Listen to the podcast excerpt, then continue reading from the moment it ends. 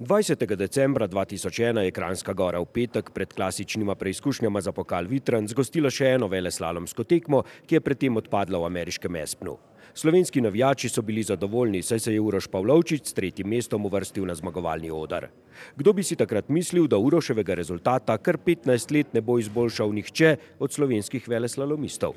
Prepričani smo bili, da bo to uspelo Alešu Gorzi, pa je bil na stopničkah le v super veleslalomu, od karijere se je poslovil z devetim mestom kot najboljšo veleslalomsko vrstitvijo v pokalu.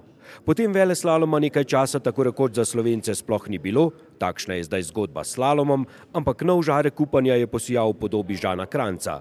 Skromnega, delavnega, uljudnega fanta, ki je pred štirimi leti na mladinskem svetovnem prvenstvu osvojil bron in ta uspeh ponovil tudi leto kasneje.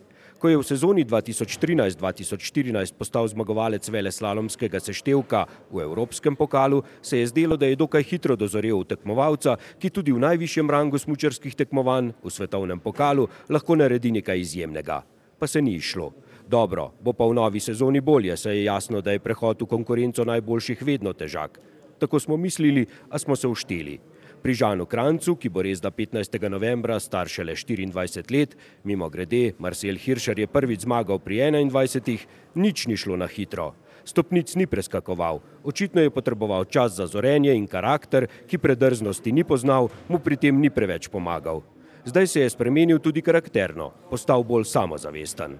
Začel se je, to ni klik samo en dan, začel se je v bistvu najprej sem Evropa Cup skupno zmagal, potem sem v slabo sezono zaradi tudi, ne sam, tudi zaradi ostalih stvari, potem sem pa lani prihajal nazaj in sem že pokazal dobre vožnje, dobre teke in uh, če imaš vezano solidne sezone, pa če se dobro počutiš na smočeh, pa lahko napreduješ, si samozavesten in če se pa dobro počutim, pa lahko zelo napredujem. No. In uh, sem zelo tekmovalen tip in tako lahko edina napreduješ.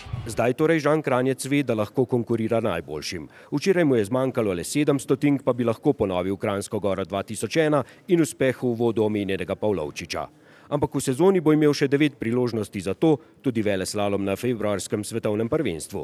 Mogoče mu pa uspe v tej ali pa kateri od naslednjih sezon celo priti povsem na vrh ter postati šele drugi slovenec z vele slalomsko zmago.